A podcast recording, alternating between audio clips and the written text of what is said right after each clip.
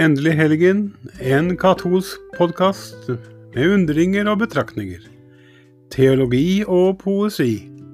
Tilpasset hverdagen der en lever sin tro.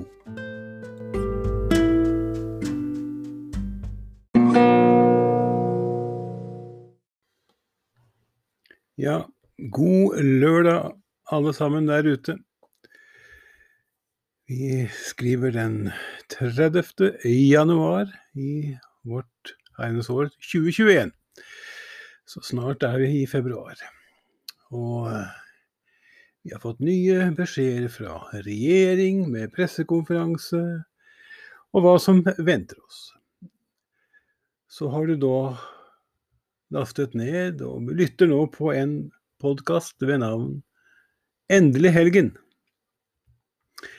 Jeg som sitter bak mikrofonen, heter Loke Borgersen.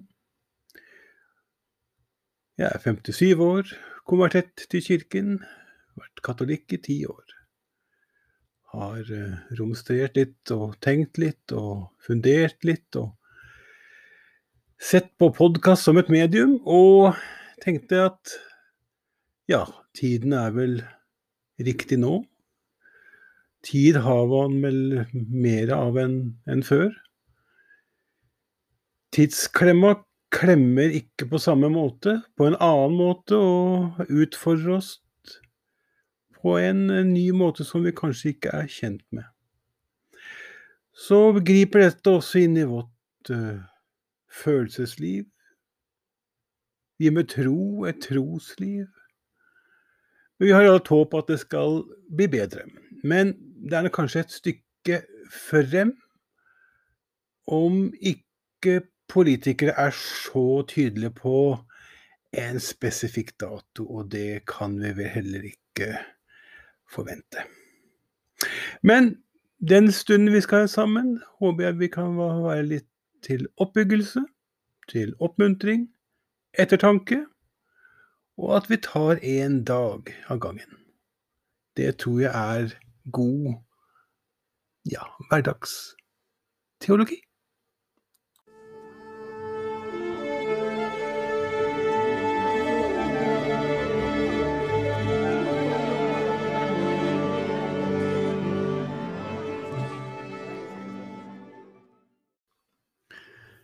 Ja, da er vi stemt, vi er klare, vi kan fremføre. Ja, og dirigenten, da, det, det får bli jeg, da. Med takktokk. Så får vi se om uh, orkesteret, dere, er lydhøre. Så kan vi sammen dele noen tanker som kanskje kan sette noen uh, følelser i sving. Tanker som vi kan prøve å kanalisere til å bli noe fornuftig. Eller i hvert fall tenke på det, og ikke bare si ja. Vi er vant til å si amen i kirken. Amen. Men tenke på ting, og ikke, kanskje ikke bare akseptere ting. Og denne uken, eller det vil si forrige lørdag, den ga meg noe å tenke på, og det vil jeg gjerne dele med, med dere.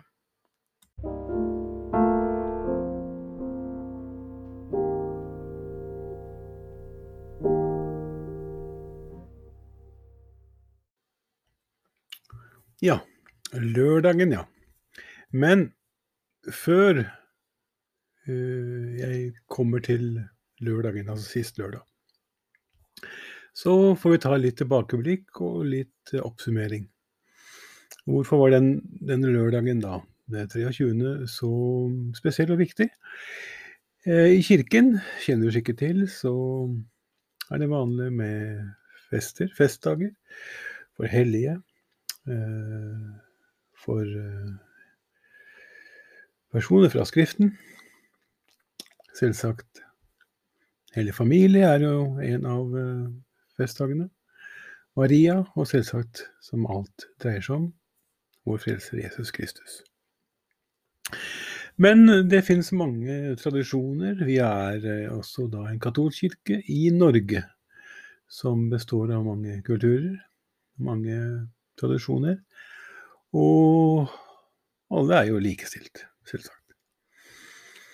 Det er ikke det det går på at det ikke er likestilt, men uh, vi har våre tradisjoner, og en av tradisjonene kommer fra Filippinene. Da Filippinene ble kristnet, og man skulle tro at det katolske landet med over, nå, over 100 millioner innbyggere og nesten tilnærmet like mange katolikker, at det hadde vært lenger kristnet enn f.eks. gamle Norge og vikinger. Men de har faktisk bare, bare si, vært kristnet i 500 år. Og det feires i år. Mens vi kan føre vår kristne arv, som vi liker å titulere det, tilbake dobbelt så lenge. Vi har hellige Olav, som i den senere, moderne tid er vel mer omstridt og mer tvilsom person, og det er vel bare vi katolikker som holder han høyt, og det er Norges evige konge. Eh, og man får stadig kunnskap om Den hellige Olav. Men så er det da Filippinenes Santo Niño, lille Jesusbarnet. Og det er ikke bare Jesusbarnet, men det er også Jesusbarnet da fremstilt og presentert i en liten statue. En statue som europeerne brakte med seg til Filippinene som en gave, som et uh, redskap for å forklare menneskene som de ville møte på Filippinene. Jeg er mer usikker på hvor mye kunnskap de hadde eventuelt om Filippinene og menneskene som bodde der. Om deres tro, urreligion eller tradisjoner de hadde. Men de fleste sjøfarere og ekspedisjoner, oppdagelsesreisende, hadde jo gjerne et underliggende misjonsbehov. Det var ikke bare at landet da, som de da kom til, nye kontinentene de kom til, da skulle da plante et flagg, landets flagg for konge, dronning, men også da at landet var kristent, eller at det skulle bli kristent, og menneskene der skulle få en anledning og sjanse til å høre om Jesus Kristus. Og Det samme skjedde da på Filippinene.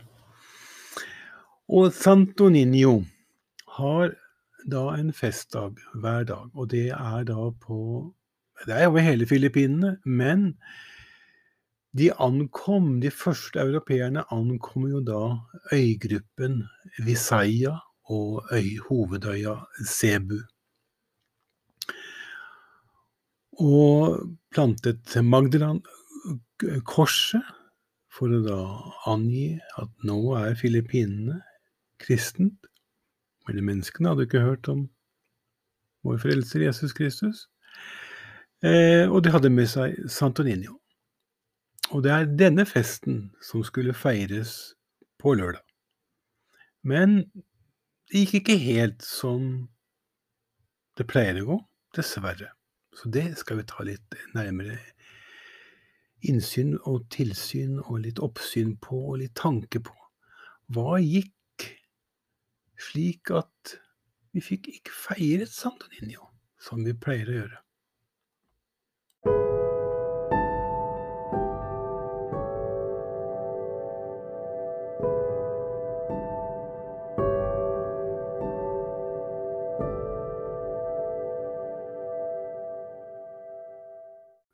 På denne pilotepisoden for endelig helgen har jeg da satt tidens krav og messen. Det vil si at det er noe som griper inn med tiden, med kravene, med restriksjoner, med endringer, stadige endringer, som også påvirker kirken, kirkelivet, menighetslivet, troslivet. Det å møtes, det å utøve vår tro i et meget begrenset antall, om vi kan møtes, om vi i det hele tatt kan møtes pga. restriksjoner. Eh, den endringen som skjedde brått sist helg, det var jo da allerede ryktene på fredag om at det kommer til å skje noen endringer pga. Det muterte viruset eh, var oppdaget. Nordre Follo. Eh, det fikk også et navn, men det navnet skal man helst ikke bruke. Men det er for mutert, og et virus vil jo mutere og mutere og mutere, så dette kan jo skje mange ganger.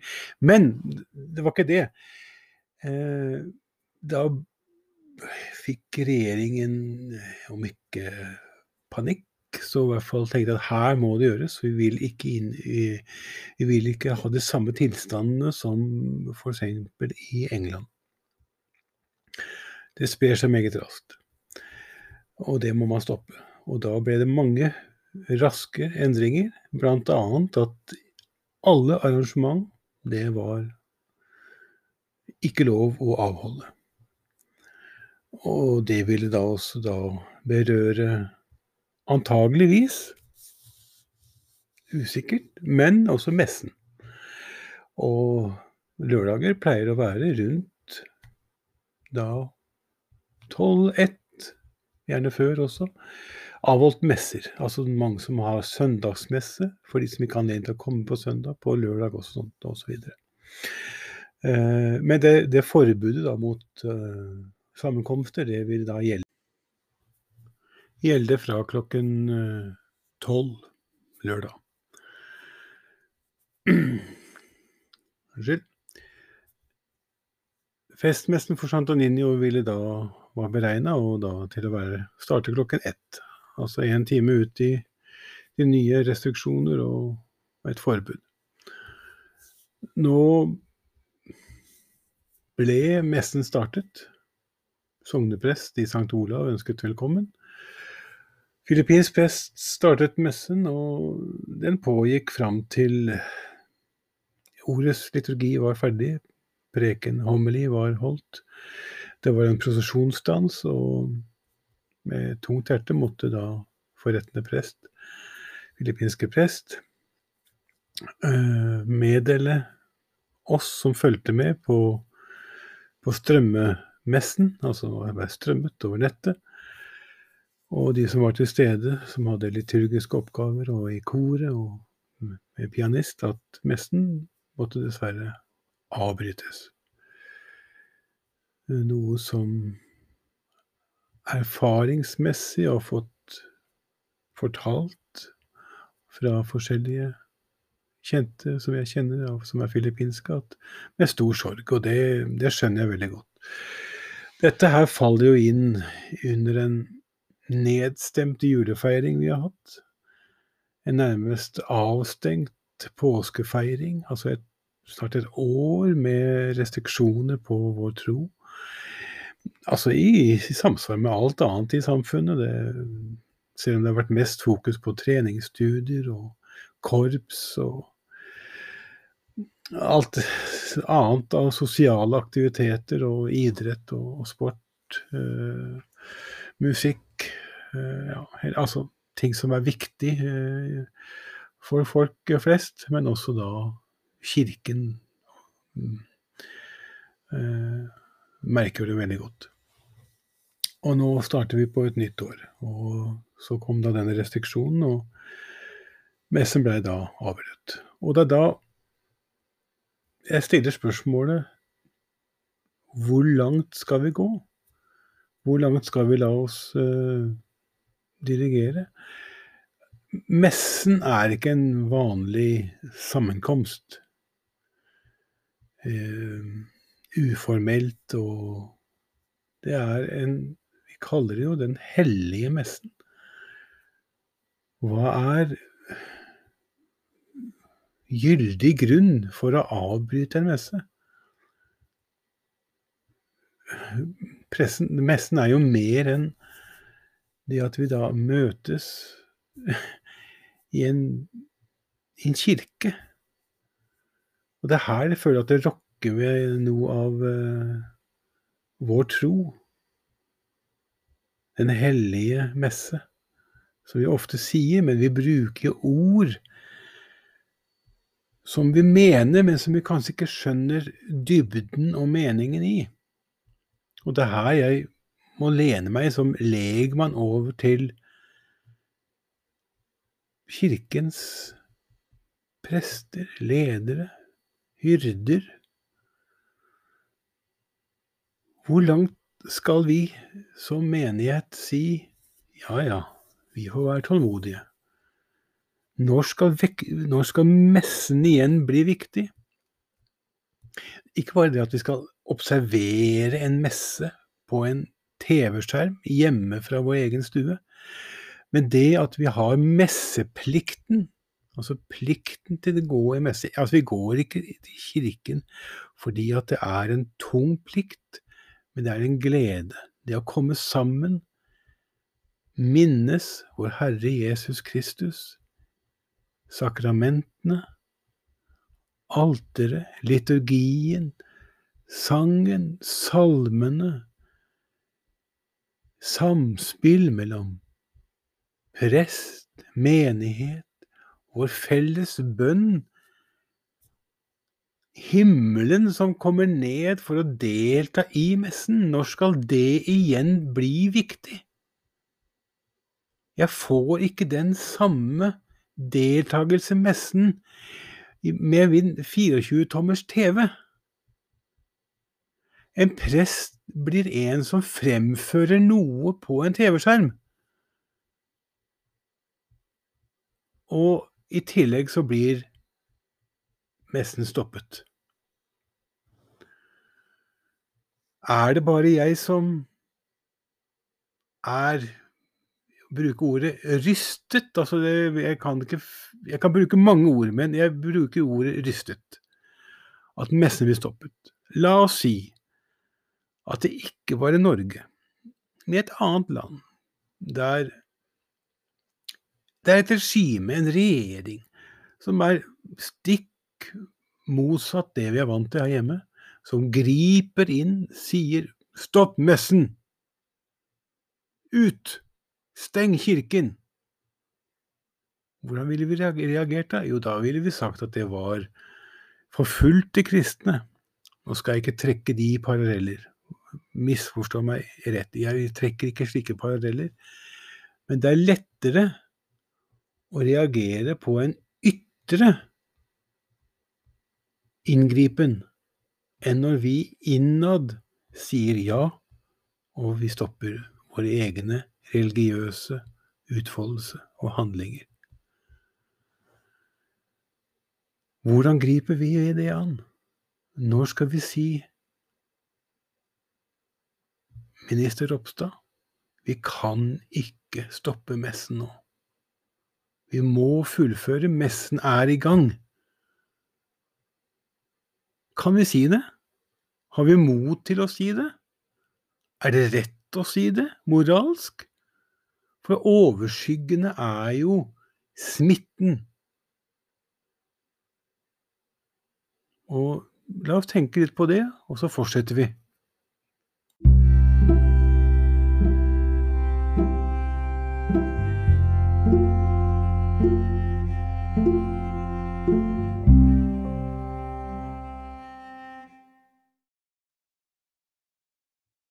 Det som er trøsten, da, har vært trøsten, er trøsten. Eh, det er jo det som har blitt fortalt, at størst av alt, det er kjærligheten. Det er vi klar over. Så har det blitt formidlet fra Kirken, fra Vatikanet, om at det å ikke bringe smitte videre, det er jo en en handling, eller altså et, en passiv handling. Det er at du ikke passiv at du Ja, altså, du, du tar et smittevern. Du tar smittevern på alvor, og du vil ikke utsette ditt medmenneske eller medmennesker med faren for smitte. I det ligger det trøst. Men skal det trumfe alt? Er det ingen unntak? Hvor langt skal det gå? Hvem skal sette premissene for smitte? Er det helsemyndighetene til enhver tid politikerne som setter de endelige endringer og restriksjoner og forandringer og inngripen, de gjør jo dette her med råd fra nettopp helsemyndighetene, fagpersoner. Hvem er fagperson for tro? Ja, det burde jo være minister i regjeringen, som har ansvar for kirke, men på samme måte som helseminister lytter til helsemyndigheter, så må jo også Ropstad Minister Ropstad får da noen innspill. Jeg vet ikke hvilke innspill den katolske kirke gir mot myndigheter. Det vet jeg ikke. Det kan jeg ikke kritisere. Jeg stiller spørsmål.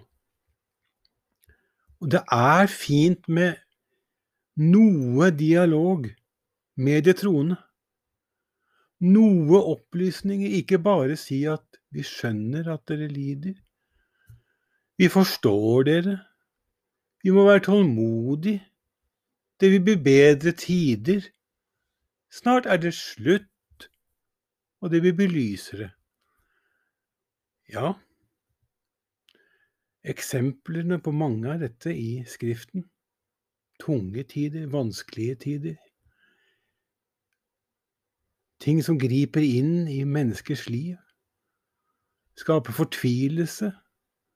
Svekker håpet, men også som styrker troen. Og med en dialog med de forskjellige menigheter. Oppmuntring. Og Jeg vet at ikke det er lett. Jeg sier ikke at én sogne, sogneprest med mange tusen medlemmer, f.eks., og kanskje en kapellan, eller kanskje en, da, en kapellan som har, da, har ansvaret for en nasjonal gruppe, skal kunne nå ut til alle. Men hva gjør vi i slike tider som vi opplever nå? tider som kom brått på, selv om man har hørt at pandemier vil komme. Ja, det vil komme. Vi har hørt om andre pandemier før, og det var gjerne før, men det er ikke nå. Det er nå. Det var ikke bare da, det er også nå. Hva gjør vi da? Det, ja, jeg liker ikke uttrykket, men moderne menneske, menneske av 2021, hva gjør vi? Vi har all teknologien. Men hva gjør vi for å forberede oss på vanskelige tider? Ja, ikke bare økonomien og og sikre deg det og Men øh, når vanen er så innarbeidet at vi, Kirken er en selvfølge, den er der, men nå er den jo delvis lukket. Delvis er vel et svakt uttrykt.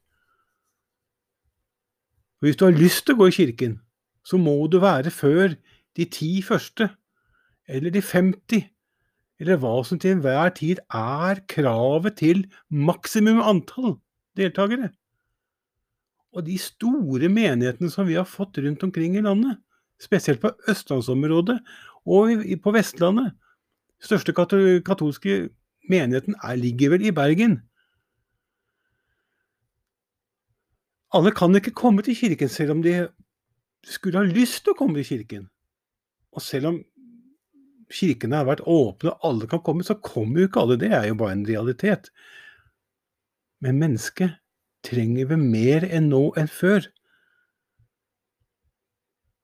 Å ha et håp, kunne komme til kirken og fornye sin tro. Sakramentene, skriftemålet, gjøre opp, gjøre status, fornye, finne håp og se til Gud. Det fins et håp. Og vi har hyrder som forteller det, som veileder oss. Men da må vi også få noe informasjon. Menighetsblader eksisterer i hvert fall knapt i min menighet, i uh, Sankt Laurentius i Drammen. Vi har Sankt Olav uh, kirkeblad, som da er et menighetsblad ment for hele landet. Det kommer ikke ofte nok ut. Så hvordan som kirke informerer vi hverandre? Hvordan når vi ut til hverandre? Ja, vi kan jo besøke hverandre. Nei, men det er nettopp det vi ikke vi kan. Vi kan jo ikke besøke hverandre. Vi kan nesten ikke drive kariativt arbeid heller. Så her er det utfordringer som jeg, jeg føler personlig at dette må vi se på. Og hva gjør vi når Kirken igjen starter opp igjen? Jeg bruker ordet 'starter opp'. Når menighetslivet skal boostes i gang igjen katekesen, konfirmantene. Barnedåp som kanskje har blitt utsatt, ekteskap som vil inngås. Hvordan får vi alt dette i gang igjen? Og ungdommen, som har vært under restriksjoner, de også, selvsagt, men som har merket det på hjemmeskole, undervisning over nett, messe over nett, og livet har gått Ja. Vi lever jo. Kommer ungdommen tilbake? Sånn selvfølgelig. Eller sitter de hjemme og bare venter på å komme i kirken, de også? Jeg føler at vi, vi, har en del utfordringer foran oss, selv om alt skal bli bra. Og alle restriksjoner er borte. Og munnbind kan vi legge bort. Og antibac blir erstattet med vidvann. Hva gjør vi da? Hva gjør menighetene da? Det kan ikke bare være jeg som stiller slike spørsmål. Og hvis vi har spørsmål, så må vi tørre å ytre dem. Jeg ønsker bare at vi skal ha et aktivt menighetsliv. Vi trenger hverandre. Trosliv er ikke et personlig anliggende, og kun det. La oss dvele litt ved det.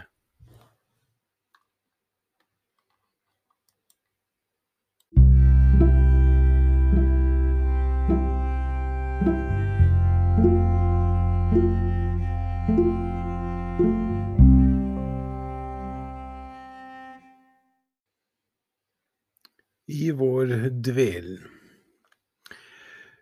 eh, har jeg vekket eh, min gamle blogg til liv igjen. Skrev veldig mye der i 2009-2010, som kanskje er naturlig når man konverterer. Mange tanker, mange følelser. Eh, rikt. Eh, det har ikke blitt noe mindre rikt, men man har fått sagt så veldig mye.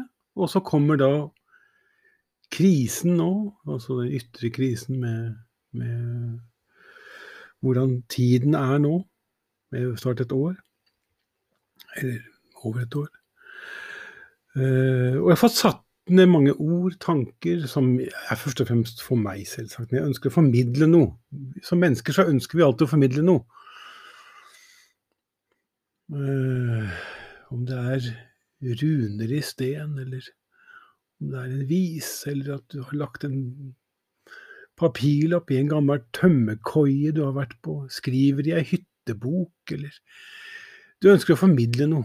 Her har jeg vært. Her var jeg. Her opplevde jeg. Her levde jeg. Her var vi. Her gikk vi videre. Så for den bloggen min, da, digital, elektronisk, er mitt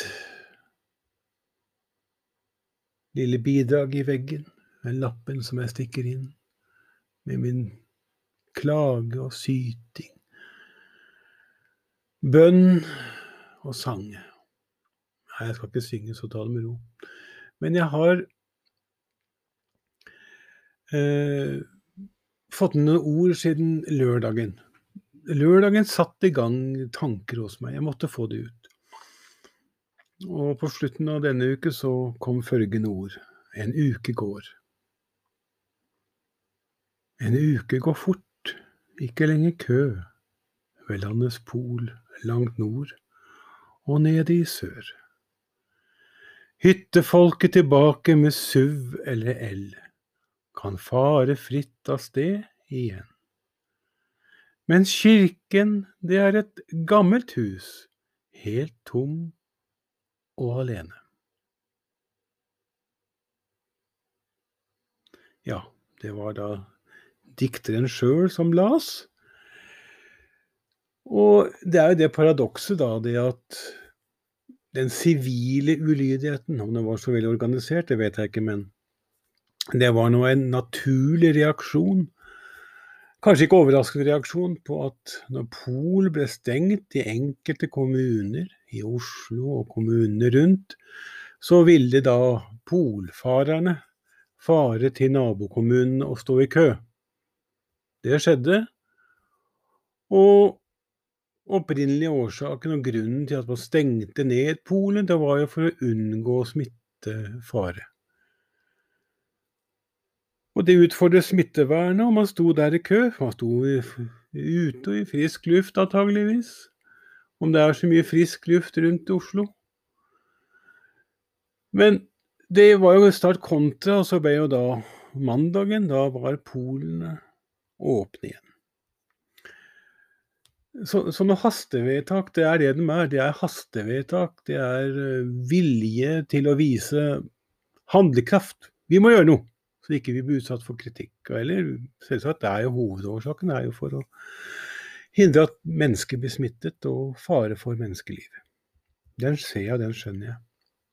Men det er kanskje ikke alt som er like fornuftig. og øh, hvor fort skal man kunne greie å omstille seg? Ting er jo, er jo planlagt. Eh, så nå har du fått noen ord fra meg, og så går vi videre i sammen. Så skal vi nok kunne ha en ok helg. Om ikke sammen, så har vi det sammen her nå. Og så hadde det vært gledelig om vi kunne ses i kirken, men det er fjernkontrollen som styrer kirken i morgen her i, i stua. Helt sikkert hos deg også. Og der har det også blitt restriksjoner. Den første messe som ble holdt etter eh, den lørdagen, altså sist lørdag, det var jo én messe, søndagsmesse, som jeg, som jeg så. Det var én prest. Koret, det var en dame. Hun var ikke til stede engang i, i kirken. I hvert fall ikke i kirkerommet. Om hun var i en tilstøtende bygning, det, det veit jeg ikke, men og det var koret. Og da igjen, hvor fort omstiller vi oss på å bare akseptere at er det en messe? Hva er kravet for å ha en messe? Nå vet jeg at i England, under Elisabeth, når katolikker var, og i hvert fall katolske prester, det var ikke, det var forbudt å holde en katolsk messe. Der hadde jo om ikke enhver familie, men i hvert fall de familiene som hadde mulighet, og som hadde kjennskaper og kontakter, de hadde jo en prest boende hjemme hos seg. Ja, han, hadde jo, han lå ikke på gjesterommet, nei, han var gjemt i veggen, i hulerom, og kom fram da Kom da fram for å avholde Den hellige messe for husstanden for naboer, venner, jeg vet ikke omfanget, det, det kunne variere. Men man var jo livredd for at protestanter rundt, eller angivere, eller altså mennesker som da så som på katolikker som fiender av den engelske stat, anglikanske kirke, at de måtte stoppes. Og de ble angitt. Og det gikk rykter. Og de ble arrestert. Med en ublid skjebne. Man var prest i England under Elisabeth da, med livet som innsats. Nå sier jeg ikke at norske katolske prester i bispedømme og stift skal sette livet til spill. Men viktigheten av at vi møtes, hvor stor den er Når det, det var viktig å ha en prest til stede. Og en prest på en TV-skjerm er ikke til stede. Jeg er ikke til stede. Du er ikke til stede i messen ved at vi ser på. Men vi skal dvele litt, og så går vi videre. Og så går vi mot uh, søndag, og så snakker vi litt om hva vi skal uh, oppleve i, i, morgen. Det er en messe. Vi har messeboken. Vi har Den hellige skrift. Og vi har ting vi kan feire. Så det skal vi se på.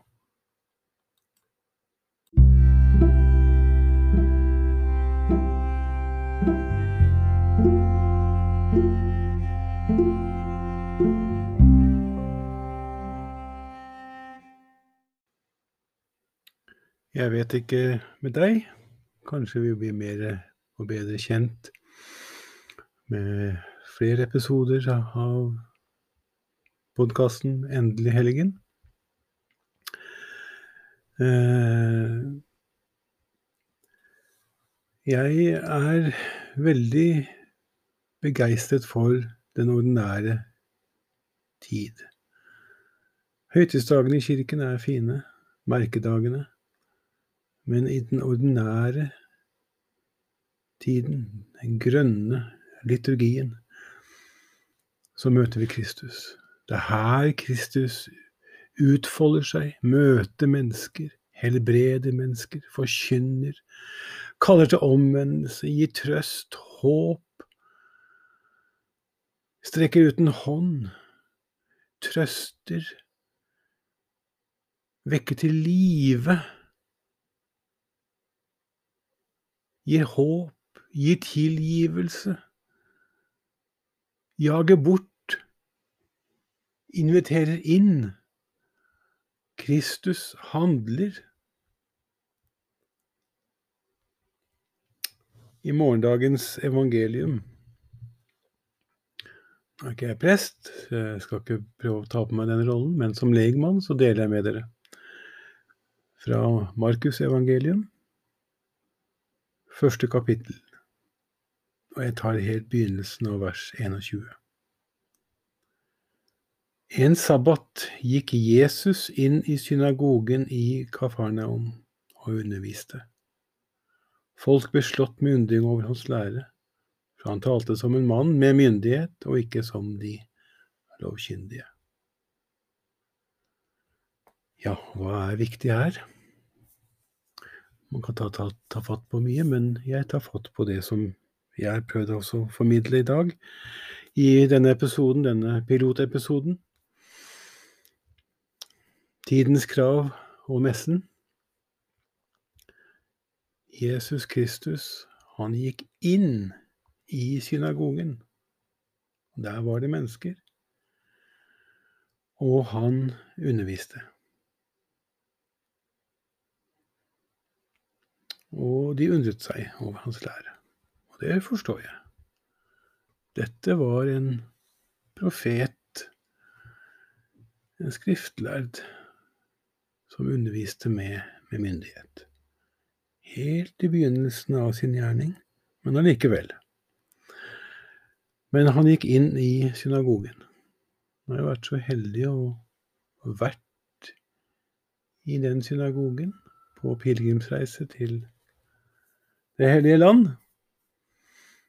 Og jeg kan bare forestille meg menneskehavet, menneskemengden, trengselen, øh, lydigheten med å gå til synagogen på sabbaten. Og inn kommer Kristus, er til stede, er synlig, og man opplever da Guds ord forteller om ordet og bekrefter at er ordet. Og i det er alt oppfylt. Det mister vi dessverre anledningen til i morgen. Vi møtes ikke, men vi kan lese den samme teksten, og hele teksten, det er jo mer, hjemme.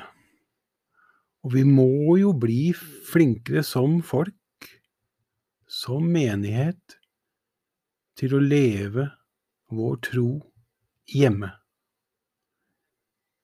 Hjemmekirken er jo en del av urkirken. Forfølgelsens tider da menighetene møttes hos hverandre. Da er vi tilbake litt igjen til det jeg snakket om under i England, og med Elisabeth. Dronning Elisabeth og de krav hun hadde, og det som gjorde at mennesker søkte sammen. Kanskje ikke store menigheter, men huskirker. Er 2021 huskirkenes tid Altså ikke tid, men hvor mange kan vi møtes? Men vi kan i hvert fall møtes, vi som er familier. Er man alene, så er det jo, er det jo, er det jo verre. Man kan lytte til podkast. Jeg vet at det fins norske podkaster nå, ikke bare amerikanske. Eh, det fins radio å høre på. Eh, man kan lytte til musikk, salmer.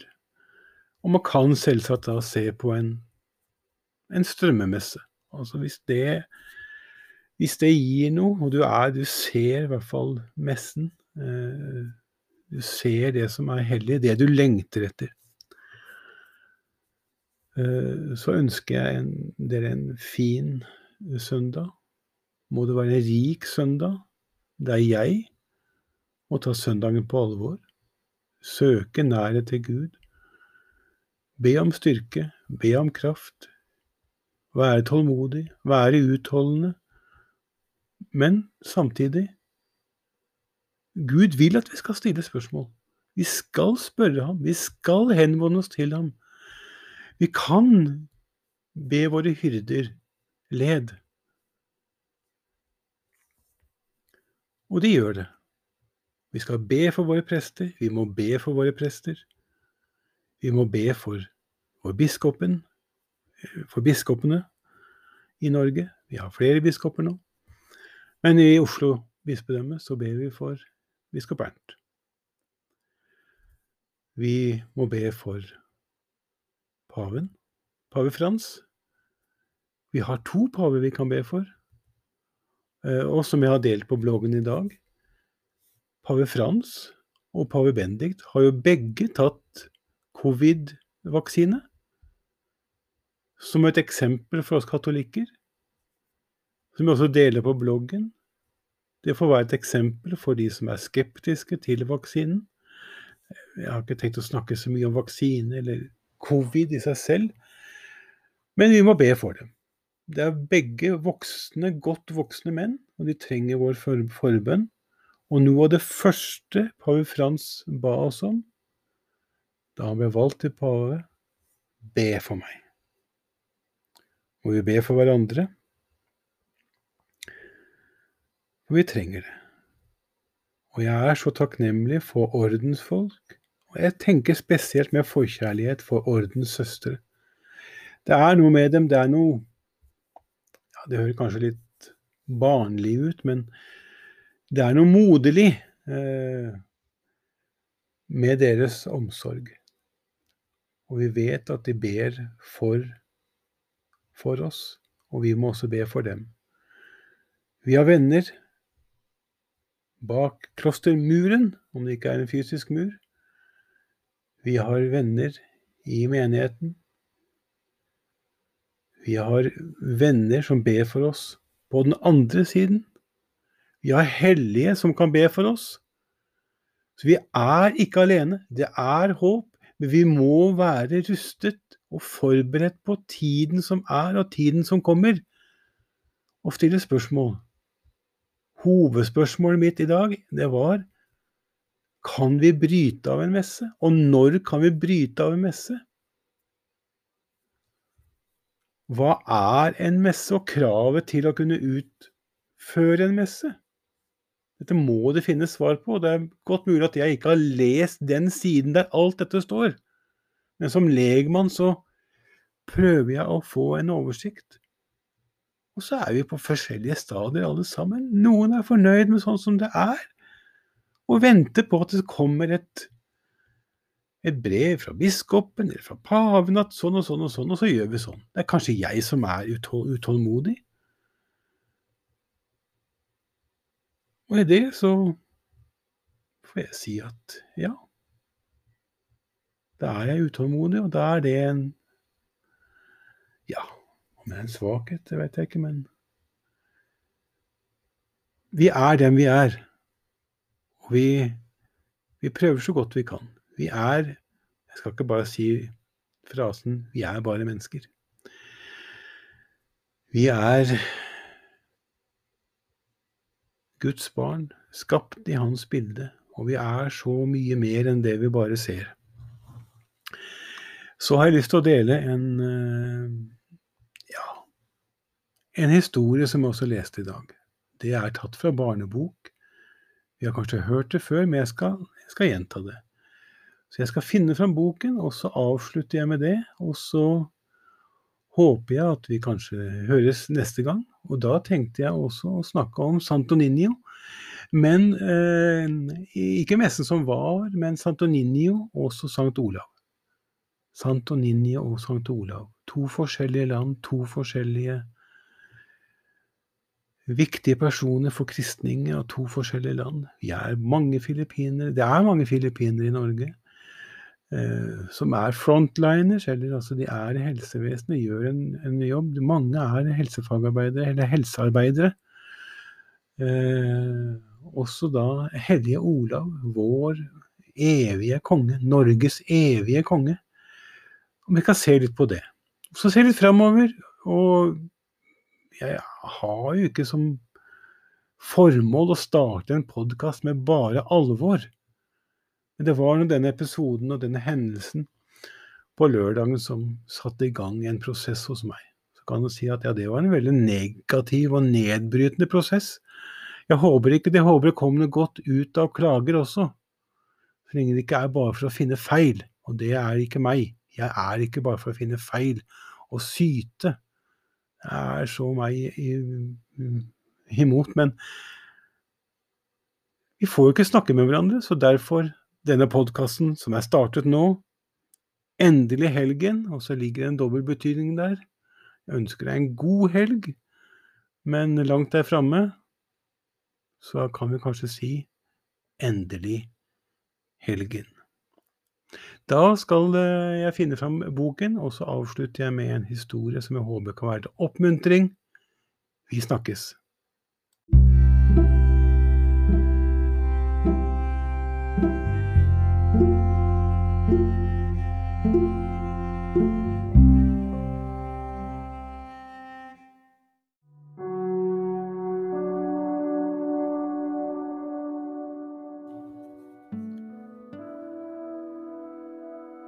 Plutselig kom Ole brum, og Nasse Nøff på at de ikke hadde hørt noe fra Tussi på flere dager.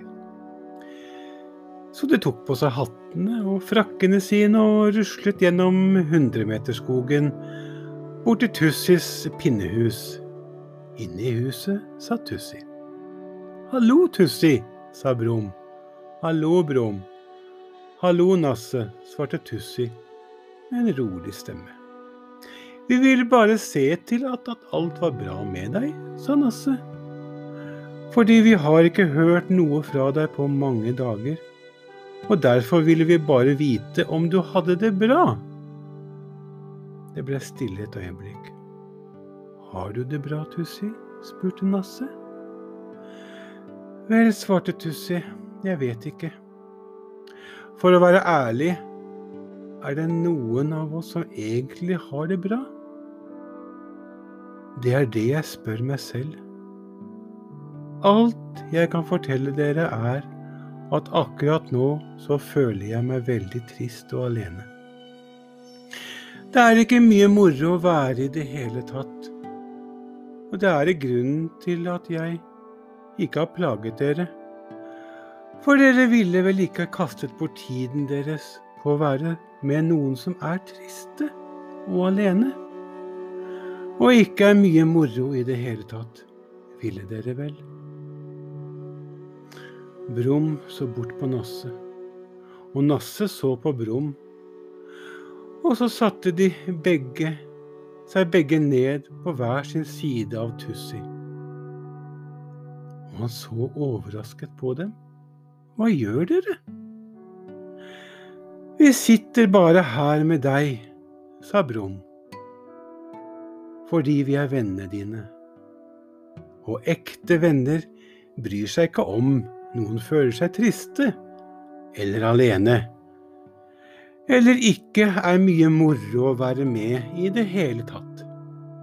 Ekte venner er der for deg uansett, så her er vi. Oi, sa Tussi. Oi. Og der satt de, alle tre i stillhet. Og mens de sa ingenting, på en eller annen måte, nesten umerkelig, begynte Tussi å føle seg litt bedre. Fordi vennene var der. Ikke mer, ikke mindre.